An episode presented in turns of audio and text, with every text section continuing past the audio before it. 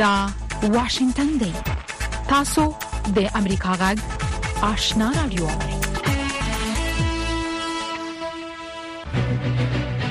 قدرمن اوریدونکو السلام علیکم زه شافیا سردار یم دا د امریکا غږ آشنا رادیو خبرونه پیل شوه لومړی به خبرونه واوري السلام علیکم درنو ریدونکو ستړي مشي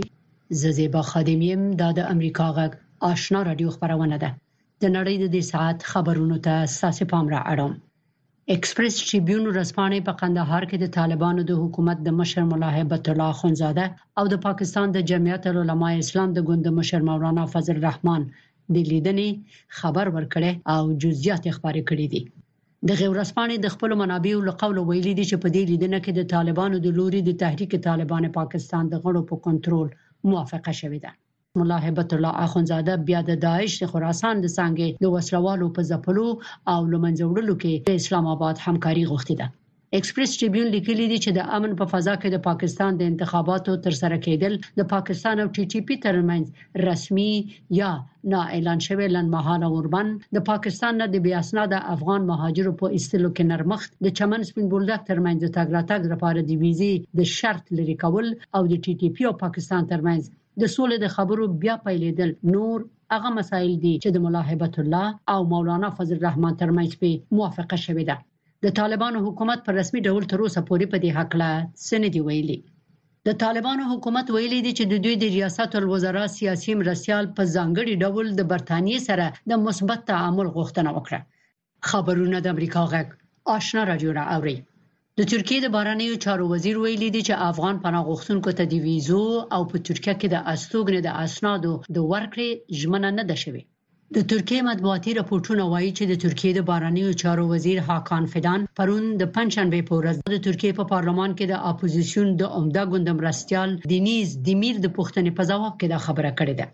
د کاناډا د مهاجرت او تابعیت ادارې د افغان مهاجرو د انتقالولو د بهیر په ترڅ کې په 2023 کال کې په لومړنۍ جوپه کې 295 تنه افغان مهاجر د پاکستان نه د هیواد ته انتقال کړي دي د امریکا د استازو د جرګې د بارنیو اړیکو کمیټې د افغانستان نه د امریکایي قواو د وتلو نه وروسته د جمهور رئیس جو بایډن د ادارې پالیسی وسیړله په دې غونډه کې چې پرون د جنوري په 11مه شوې ده د امریکا د استازو د جرګې د بارنۍ اړیکو د کمیټې مشر مايكل مکال ویلي طالبان د امریکا د مالیه ورکونکو د پیسو نه اوس تر بل هر وخت نه ډیره ګټه اخلي هغه طالبان دهشتګر هم وبلل او زیاته یې کړه چې طالبان د القاعدې د شبکې په شمول دهشتګرې ډلې روزي او تمویلوي. تر اوسه طالبانو په دې هکله څه نه دي ویلي، خو امریکا په وار وار دا خبره کړې ده چې د دوی لسګونه میلیونه ډالر مرسته طالبانو ته نه ورکول کېږي، بلکې مرستندویو ادارو ته د بشري مرستو په خاطر سپارل کېږي. د پیسو د نړیوال وجهي صندوق اجرایوي بورډ د جنورۍ په یوولسمه پاکستان ته چې د اقتصادي بحران سره مخ دی، د مرستو د پروګرام د یوې برخې په توګه د اووه سوه میلیون ډالرو ورکول تایید کړل. خبرونه د امریکا غږ آشنا راډیو د واشنګټن د استودیو نه نشریږي. د امریکا د متحده ایالاتو د بارنیو چارو وزارت د روسیې په ځینو شرکتونو او یو وګړي د شمالي کوریا نه د بالستیک توغندیو د ترلاسه کولو له کبله بندیزونه ولګول د راپورټونو له مخې روسیې له دغه ډول توغندیو نه د دسمبر د میاشتې په دیرشمه او د جنورۍ په دویمه په اوکراین کې د جګړې په وخت کې کار اخیستی وو د هنلي پاسپورټ جدول چې هر کال د نړۍ د هیوادونو د پاسپورټونو اعتبار درجه بندي کوي په تازه راپور کې ویلي دي چې افغانستان په نړۍ کې تر ټولو کم اعتبار پاسپورټ لري د هنلي د نوي جدول په اساس د فرانسې، جرمني، ایتالیا، جاپان، سنگاپور او هسپانیې پاسپورتونه د نړۍ تر ټولو معتبر پاسپورتونه بلل کیږي او د دې پاسپورتونو درلودونکو کولای شي چې د نړۍ یو سل څلور نوي هیوادونو ته د ویزې پرته سفر وکړي د افغانستان پاسپورت لرونکي کولای شي د نړۍ 28 هیوادونو او سیمو ته لویزي پرته سفرونه وکړي د اوکراین جمهور رئیس زيلنسکي د جنوري په 11مه سخت خبرداري ورکړې ده چې د اوکراین د دفاع په برخه کې سکوت صرف مسکو ته دا فرصت ورکوي چې بیا ځان عیار کړي او اوکراین تر پخو لاندې کړي زلنسکي چې د مرستو د جلبولو لپاره استونیا ته سفر کړی دی، د استونیا د جمهور رئیس سره په خبري کنفرانس کې وویل، دوه درې کاله چې روسیې ته موقع ورکړل شي، وروسته هغوی بیا موږ او تاسې په ډېرې اسانۍ تر پښو لاندې کوي. هغه وویل، موږ دا خطر نه منو. د استونیا جمهور رئیس ویلي دي چې اوکراین ته دې وسلې نه ورکول کېږي او پیشنهاد یې کړی دی چې اوکراین باید پرېنښودل شي چې په غربي وسلو دننه په روسیې کې بریدونه وکړي. اسرائیل د جنوري په 12مه د عدالت په نړیوالې محکمې کې د جنوبي افریقا تورونه چې ګوندې د غزې په تړانګه کې په ډلهییز ډول فلسطینیان وژلي دي رد کړل او هغه یې غلط او تحریف شوي رپورټونه وبلل د اسرایل استدلال دا دی چې د ځان د دفاع لپاره د حماس سره جګړه کوي نه د فلسطینی وګړو سره او د عدالت د نړیوال محکمې نه یو غوښتل چې دا قضیه دی بې اساس وګڼي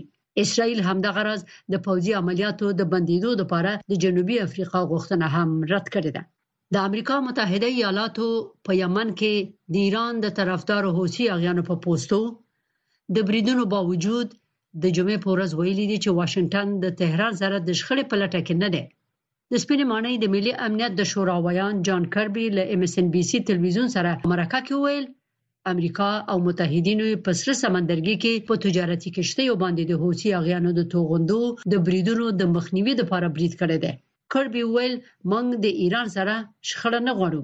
موږ د شخړې د پراخولو په لټه کې نه یو هغه زیاته کړې ده موږ پوهیږو چې ایران د حوثي اغیانو ملاتړ کوي د ویلي دي موږ پوهیږو چې ایران هغه ته توغندي او بي پیلوټه الوتکې ورکوي چې په تجارتي کشتیو باندې د برید لپاره ورنه کار واخلي زیبا خادم امریکا غږ واشنگتن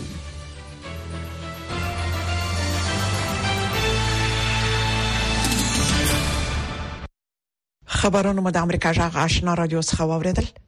درنوریدونکو زموږ په دې سهارنۍ پښتو خبرونه کې د افغانستان سیمه او نړۍ د روانو حالات په اړه کې مهم مطالب او مرکې لرو او د امریکا جغ سر مقاله هم اوریدلای شئ خو لومړی به دا رپورت واوري چې پر افغان طالبانو تر ټولو اغیزناک پاکستاني مذهبي سیاستوال ملا فضل الرحمن چې په کومه ورځ افغانستان ته تللی و، په کابل کې پرلپسې چاودنې شوې او د کرښې بل پلو په خیبر پښتونخوا کې هم داسې ورځ نه ده تیره شوې چې وسله والو بریدونه نه وي کړي. کابل ته د تللو وړاندې هغه وویل، د سفر یو هدف یې دا هم و چې په سیمه کې د بریدونو مخه ونیسي. نور حال د شهناز نفیس په رپورټ کې واورئ. په کابل کې د پرون راسې دوه بمي چاودنو او د پاکستان خیبر پښتونخوا کې د دوشنبې راسې پرلپسې پر امنیتي سرتیرو او پولیسو بریدونو افغانستان ته د ملا فضل الرحمن سفر او د هغې سره تړلي هلي یو څه مړاوي کړي. د پاکستان د انګریزۍ ژبې ورځپاڼې ډان په خپله سرمقاله کې وایي، که د ملا فضل الرحمن د سفر موخه دا وه چې افغان طالبان قانع کړي چې په تحریک طالبان بریدونه ودروي نو دغه پیغام سم نه دی ورکړل شوی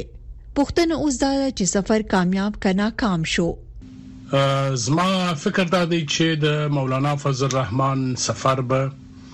او د هغه ملاقات د شیخ هیبت الله سره به چندان مثبت اثر ونه لري زه فکر کوم چی حتی منفی اثرات به هم ولری ځکه د پاکستان استبلشمنت د پاکستان اردو غواړی چی د افغانستان او پاکستان تر منځ د روابطو د خرابیدو ملامتی پر هیبت الله او فضل الرحمن باندی واچوی او دا لاړه لغی به وی چې مونږ هم کوشش وکړو پاکستان وی چې مونږ هم کوشش وکړو مظهر فضل الرحمن وی ما هم کوشش وکړو خو زما ته نه ښکاري چې دې مسله نتیجه راوځي. یو شمېر رسنۍ وایي چې د افغانانو طالبانو مشر ملا هیبت الله د چهارشنبې په ورځ په کندهار کې د ملا فضل الرحمن سره لیدلي. تر اوسه دواړو غاړو د لیدو کتو یا په دغه ناسته کې د خبرو په اړه څه نه دي ویلي. خو په پاکستان کې اوس نږدې ټول مطبوعات وایي چې د سفر لویه موخه دا ده چې افغان طالبان څنګه د سیمې په ځانګړي ډول د پاکستان په امنیت کې رول ولوبوي. پاکستان دې له خپلې استخباراتي ادارې نه پوښتنه وکړي چې دا ډلې چې جوړولې په هغه وخت کې ولې دا فکر ونه کړ. دا ډلې ټولې چې رامنځته شوې دي اساسي بنیاد یې په همغه ځای کې نو پاکستان کې جوړې شوې دي په هغه ځای کې لوی شوې دي او بل اخر په یو مشکل باندې سره بدل شوې د سه شنبه په ورځ په کابل کې په یو موټر باندې برید کې نږدې درې کسان وژل شوي وو. د یاد برید پړه داعش منلې او نن بیا په سوشل میډیا باندې داسې ویډیوګانې اچول شوي چې ښایي په کابل کې د طالبانو موټر په یو برید کې په نښه شوی. دغه راز د دشت برچي سیمې څخه د یو برید خبرونه خپاره شوي دي. د ډیورنډ بلې غاړې ته د تیرې دوشنبې راهسې په خیبر پښتونخوا کې امنیتي وضعه لا نوره خرابه شوې ده. همدغه ورځ په کابل کې د ملا فضل الرحمن د طالب مشرانو سره د رسمي لیدلو کتلو لومړی ورځ وه او په باجوړ کې وسلوالو او پولیس ووجل د بریټ پړه تحریک طالبان پاکستان ومنله او بیا بنو وزیرستان کوهاټ او لکی مروت کې هم په بریدونو کې یو شمیر پولیس او پوجیان وجلې شوي زمونږ څه کمزوري شته او بیا کمزوري دار چې زمونږ کم سیاسي حکومتونه دي هغه دې ته توجه نه دا ورکړي چې دې مسایل حل رو باسي او خصوصا تور باندې چې کوم درستنه د عمران خان صاحب حکومت او خو دې باندې بالکل توجه نه ورکړي دا غي څه خیال مطابق چې کوم طریقه کار دا غي او یا کوم حل حل چې غي راوستو کوشش کړو هغه دنیا کې هغه امن نه دی راوستي پاکستاني طالبان او خپل د مولا فضل الرحمن ګوند جمعیت علماء اسلام د دیوبندي فکر پیروان دي خو مشران جلا جلا دي د ډان ورسپانه مقاله وای چې د ډیورنت دواړو غاړو ته طالبان په فکری توګه د یو بل سره تړلې دي خو د کوم اصولو یا پرنسپونو پابند نه دي نو دا معلومه نه ده چې پر یو بل څومره اغیز لري شیناز نفیس امریکا غږ واشنگټن انتظار پای ته ورسید ترنو لیدونکو او اوریدونکو تاسو کولی شئ د امریکا غا ټلویزیونی او رادیوي خبرونه د یاسات ساتلایت له طریقه وګورئ او واورئ د نوي ساتلایت لارې تاسو د آشنا اتصال او کاروان ټلویزیونی خبرونه کتلای هم شئ د امریکا غا د افغانستان څنګه خبرونه په 398 چنل او د آشنا رادیوي خبرونه په 318 چینل کې اوریدلای شئ لملتيامو د تل پشان مننه د امریکا جغ آشنا رادیو څخه راپورټونه ته دوام ورکوه ملګری ملتونه وایي چې په افغانستان کې نږدې 15 اتیا سلنه خلک په ورځ کې د 1 ډالر څخه په کمو پیسو ژوند کوي اټکل کیږي چې یوازې د ښځو د حقونو په برخه کې محدودیتونو افغانستان ته د 600 څخه تر 1 میلیارډ ډالر پورې اقتصادي زیان درلودلی دی. ملګري ملتونه دغه راز وايي، اوسمهال له هر درو افغانانو یو په دې نه پوهیږي چې بل ځل خواړه به له کومه ځایه ترلاسه کړي. نور حال په رپورت کې واوري ملګری ملتونه وایي چې په افغانستان کې خلک تر ډیرو سختو شرایطو لاندې ژوند کوي او په تیرو څه باندې دوو کلونو کې وضعیت لا خراب شوی دی د اسیا او پاسفیک لپاره د ملګرو ملتونو د انکشاف د پروګرام د سیمایي دفتر سلاکاره کاني وګناراج وایي چې د افغانانو وضعیت د 2023م کال د اگست میاشتې وروسته د پام وړ ډول خراب شوی دی. مېرمن ویګناراجا زیاته کړې چې په افغانستان کې نږدې پنځه اتیا سلنه خلک په ورځ کې د یو ډالر څخه په کمو پیسو ژوند تېروي. اټکل کېږي چې یوازې د ښځو د حقونو په برخه کې محدودیتونو د شپږ سوه څخه تر یو میلیارد ډالرو پورې اقتصادي زیان لرلی دی. په ورته وخت کې د ملګرو ملتونو د عمومي منشي ویاند سټيفن دوجارک وايي د خوړو د نړیوال پروګرام یا دبليو اف پی د ارزغونو لمخې اوس مهال له هرو دریو افغانانو یوې په دې نه پوهیږي چې بل ځل خواړه به له کوم ځای ترلاسه کړي.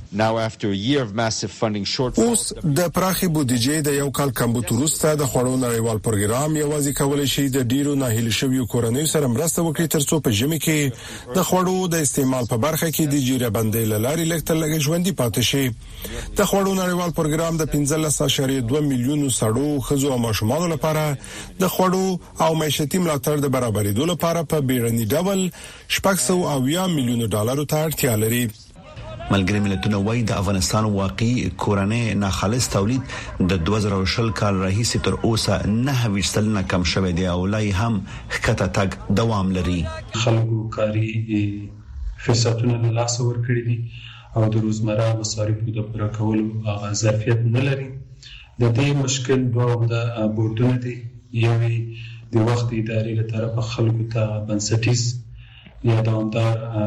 اشتغال د اشتغال سازي د پروژو نه تطبیق دی دویم د نړیوالو ادارو غیر موثر نوښتونه دي چې د بشري مرستو په نوم په لار اچول شوي دي بلخوا د ملګرو ملتونو د خوړو نړیوال پروګرام یا دبليو اف پی وایي چې په افغانستان کې پر روان ژمي کې کورنۍ د یو سخت انتخاب سره مخ دي چې خپل خوني ګرمي کړي او که خپل ماشومان ته خواړه برابر کړي دغه اداره وايي په افغانستان کې د ناسم اقتصادي وضعیت لامل به سږکال ډیری کورنۍ د تریخ ژمي سره مخ شي. در حال حاضر از هر سه افغان یک نفر نمیداند که غذای بعدی را از کجا تمویل کند در حالی که با زمستان سخت مواجه هستند خانواده ها در سراسر کشور مجبور هستند که میان غذا خوردن و گرمماندن باید یکی را انتخاب کنند در هر ولایت افغانستان افرادی هستند که بحران یا سطح بدتر ناامنی غذایی را تجربه می کنند. د خوړو نړیوال پروګرام ویلي چې د اقتصادي ستونزو لامل ډیرو کورنیو د ژوندۍ پاتې کېدو د هڅو په لړ کې لوړاندې د خپل کورنیو د اړتیا وړ توکي پلورلي دي دا پروګرام وایي چې د افغانستان بازارونو کې د خوراکي توکو کمی نشته خو خلک یې نشي اخیستلای د ملګرو ملتونو د بشري مرستو د همغږي دفتر یا اوچا ویلي چې په افغانستان کې اوس مهال 23.1 میلیونه افغانان بشري مرستو ته اړتیا لري وحید فیضی د امریکا غاک واشنگټن متضاد اړخونه بیلابیل دریزونه د سپیناوي تود مخامخ بحث او په اخر کې قضاوت ستاسو پر مهمو سیاسي امنیتي اقتصادي او ټولنیزو مسایلو د افغانستان سیمه او نړۍ باندې د ژور څېړنیز بحث مهمه اونیزه خبرونه هایل د هرې جمعې په ورځ د افغانستان په وخت د ماخام ونیمونه تر اته بجو پورې د امریکا غږ د سټلایټ لارې په ژوندۍ بانه هایل د امریکا غږ د روانو چارو نوي ټلویزیونی خبرونه قدرمن اوریدونکو، د متحده ایالاتو د بهرنیو چارو وزیر انتوني بلینکن سیمې ته د خپل سفر په ترڅ کې د مصر پلازمېنې قاهرې ته ورسېد. نوموړي تر دې مخکې له بهرني چارواکو سره د غزې پر جګړه او له جګړې وروسته د غزې پر بیا رغونه بحث وکړ. بلینکن خبریالانو ته وویل چې له بهرني چارواکو سره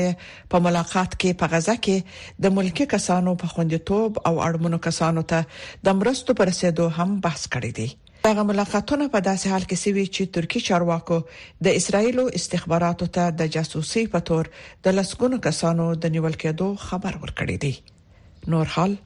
پر پورت کې ووري ترکي چارواکو د جنوري په لومړیو کې په یو لړ عملیاتو کې پر هغو لسګونو کورونو یرغل وروړ چې ویل کېږي د اسرایلو د استخباراتو موساد د کړیو لخوا اداره کېږي دغه عملیات وروسته لغه وشول چې د ترکیې ولسمشر رجب طیب اردوغان خبرداري ورکړ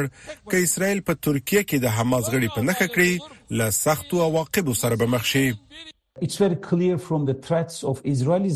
د اسرایلیانو له ګواښونو څخه ډیره څرګنده ده چې پر حماس د برید په هدف ترکیه د یو مکان په توګه ټاکل شوې ده په همدې خاطر د ترکیې استخباراتو په لومړي اقدام او د ولسمشر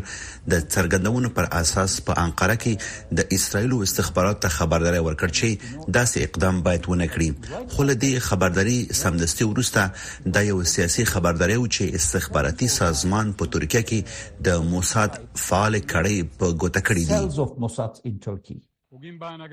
اسرایلو د دغو نیونو په اړه څه نه دی ویلي خو د اسرایلو پوځي مشران او د حکومت وزیران په پام کې لري په هر ځای کې هغه کسان پیدا کړي چې د اکتوبر په ومه پر اسرایلو په بریدونو کې لاس درلود اردوغان چې د حماس سخت ملاتړ دی څو ځله ازادي غوښتونکي ځواک بللی کارپوهان وایي د اکتوبر د ومه په بریدونو کې د لاس لرونکو کسانو د تعقیب په هدف ترکیه اسرائیل ته یو احتمالي موقعیت ګڼل کیږي. کله چې د اکتوبر د اوومې قتل عام وینو، څنګه دا پېښ شول او څنګه په ښه ډول پلان شوي وو، ښکاره ده چې له بهر څخه هم ډېره مرسته شوې وه او ډېر شیان وو چې له غزې څخه بهر غزې ته راوړل شوي وو، ښکاره ده چې یو شمېر دغه شیان د ترکیې له لارې راوړل شوي وو. د ترکیې د حکومت له خوا نه خو د ترکیې حکومت او یا د ترکیې امنیتي مسؤلینو هغه څه ته ډیر پام ونه کړل چې تر سره کېدل. که څه هم دا لومړی ځل نه دی چې د ترکیې استخبارات د اسراییل له استخباراتو موساد سره په تقابل کې واقع کېږي، خو دغو استخباراتي ادارو په دې وروستیو کې د اسراییل په وړاندې د ایران د یوې هڅې په مخنیوي کې هم همکاري وکړه. ترکي چارواکو په دسمبر میاشت کې د يهودانو پر عبادت ځایونو د بریدونو د پلان په هدف د اسلامي دولت شکمن غړي ونیول په داسې حال کې چې په غزه کې جګړه روانه ده کارپوهان وایي انقره غواړي ترکیه ته د جګړې د غځېدو مخنیوی وکړي ترکیه نه غواړي چې د استخباراتي سازمانونو د لوبو په ځای بدله شي، بناءً له همدې امله زه فکر کوم چې د ترکیې استخباراتو په دې اړه خپلې هڅې زیاتې کړي چې دقیقاً روښانه کړي څوک په څه کې ښکیل دي. ترکیه په تېر کې د ترهګریزو بریدونو او ترورونو شاهده وه چې ګرځندوی او اقتصاد ته یې لوی ګوزار و. کارپوهان وايي، ترکیه ژمنه ده چې د منځني ختیځ جګړه به د ترکیې تر واټونو، ونه رسیږي سميع الله جلال زای د امریکا غږ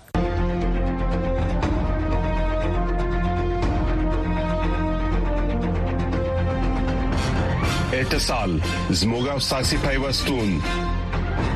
خبرونه چیرنی او خبرګونونه موثق معلومات او دقیق جزئیات کورنۍ نړیوالې او سیمې ییزې مسلې چې د عام خلکو پر ژوند غیز لري ستاسو پوښتنې د چارواکو ځوابونه او د پوهانو سپارښتنې لې یک شنبه تر پنځ شنبه هر مخام په شپږ بجو او دیشو دقیقو له واشنگټن څخه پر ژوندۍ بڼه د سټلایټ ټلویزیون او ټولنیزو شبکو لاري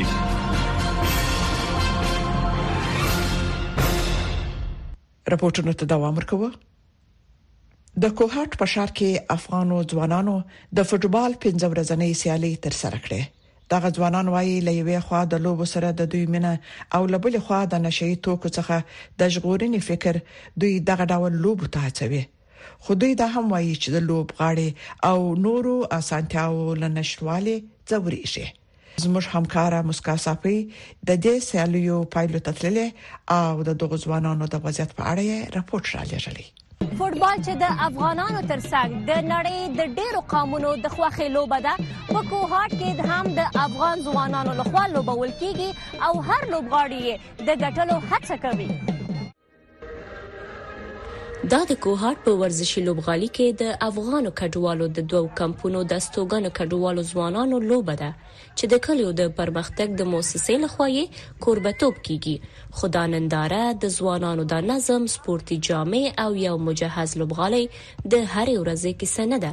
بلکې دوی د کوهاټ په ډاګونو کې پرته له اسانتیاو لوبې کوي څلور کاله کېږي چې سپورت کوم او باید مو سره ګروندونه نشته او چې مو سره ګروندونه بس باید چې مو کسانو بخښ کېل کولای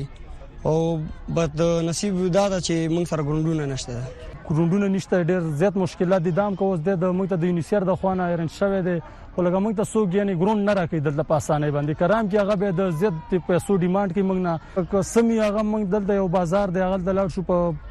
ډیر کمزوري شي نه موږ ځان تر اول چې هغه ته زموږ وسم نه کیږي چې هغه کمزوري شي نه چې هغه کم بال شو یا کټ شو یا نور وغیرہ سامان شو د سپورت څومره مشکلات د موږ ته ډیر زیات دي ځکه چې موږ ته نه څوک یونیفارم راکې د نه بال راکې فری راته خو کله دا سړډ والا را لدو یو شی موږ ته راکړو بس پاغه موږ سپورتس موټ سو کوم شومان را سره د پنغالي ملک اول خان وایي ډېری ځوانان د اسانتیاو د نشټوالي لکبله په نشي توکو روږدي دي موږ افغان مهاجرین چې مازیګر سي دا ټول ځوانان راځي په لادي ډانګونو کې ولوبي کوي هیڅ سہولت نشته ورسره لوب سامان نشته ورسره بیا هم موږ دا مشران یا کمیونټي لران چې کومي موږ کومک ورسره کو دي ځوانانو سره تجارانو سره کومک وکړو چې ته بیټ بال ورته واخلو چې ته وردی ورته واخلو خو اوس پورې دا غریبان کچې ته دوی سره د چاله طرف دی حکومت له طرف دی انجوز له طرف سم کومک وشي نو دا ځوانان زموږ ټول په لوبو کې مصروف شي زیاتره به په دا افغانان چې کوم دي ځوانان دي په نشه یو توګو باندې اخته دي یا نور کارونو روزګار کوي ځکه وجه دا ده چې دوی سره د سپورټ نشته چې دوی په مخ کې لاړ شي لاجبر ستانکزی چې په دې سیالۍ کې رفری دی وایي چې د افغان کډوالو د کمشنرۍ مرستې د دوی د اړتیاو پر ځای د نورو کارونو لپاره کارول کیږي. پاسه کمشنریټ نه چې کوم پنډ راځي هغه دلته په کرسیانو او په پالتو شینو باندې لګیږي نو موږ دا خواست ده چې هغه پیسې دلته په دغه ماشومان ولګيږي نو که غو ته یو سل 1500 روپۍ ملاو شي دی غو کورون را خوانه ورته بیا آینده دی پاره اجازه ورکول کیږي او کور نه کی بیا وای چې استه دا ټیم ځای کوي د سي ای ار ډي موسسې ځايي مشر وايي، دوی هم د دغو لوبغاړو ستونزې احساسوي او له نورو مسؤلو ادارو سره د دوی د مرستې لپاره هڅه کوي. موږ چې دې پروژیکټ کې کله د پیل ورځ نه راغلي، دا یو موږ ته یو ستونزه ده چې د دې خلکو لپاره لوبو میدانونه نشته دی او چې کوم واکدار خلک دي او واکدار خلکو ته دا غږ موږ بار بار رسولی دی چې یاره دې خلکو کې یو هنر شته دی، او کوشش دا پکار دی چې یاره دلته په دې کیمپ کې دیو تاسو داسي چمندونه داسې د لوبو ځایونه ملاویدل پکار دي دا سیالي په کوهاټ کې په دویم ځل را جوړ شوې دغه افغان لوبغاړي هم د نورو هیوادونو د وګړو په څیر د خپل هیواد افغانستان ملي بیرغ رپولو ته هوډمن دي مسکا صاحبای امریکا غا کوهاټ متضاد اړخونه بیلابیل دریزونه د سپیناوي تود مخامخ بحث او په اخر کې قضاوت ستاسو پر مهمو سیاسي امنیتي اقتصادي او ټولنیزو مسایلو د افغانستان سیمه او نړۍ باندې د جوړ چیډنیز بحث مهمه ونیزه خبرونه هایل د هرې جمعې په ورځ د افغانستان په وخت د ماخام ونیمونه تر اته بجو پورې د امریکا غږ د سټلایټ لارې په ژوندۍ بانه هایل د امریکا غږ د روانو چارو نوي ټلویزیونی خبرونه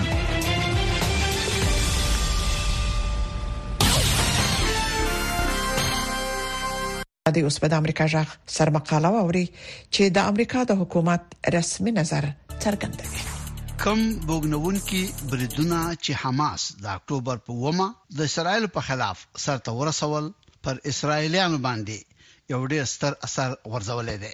دا خبره د متحده ایالاتو د بهرنیو چارو وزیر انټوني بلینکن په اسرایل کې د یو مطبوعاتي کانفرنس په مهال وکړه. بلینکن اعلان وکړ، له همدې وجې موږ خپلو کورونو ته د باقي پاتې یرغملو د ستنولو، د بشري بحران پای ته رسولو او د ملکیانو د ژوند د خوندي ساتلو او د روانې شخړې د پراخېدو د مخنیوي په لوري اوس زیات متوجه یو. بلېنکن له اسرایلي مشرانو سره د ملاقات په مهال په غزه کې د مرحله ییز پوځي کمپاین په اړه وغږېده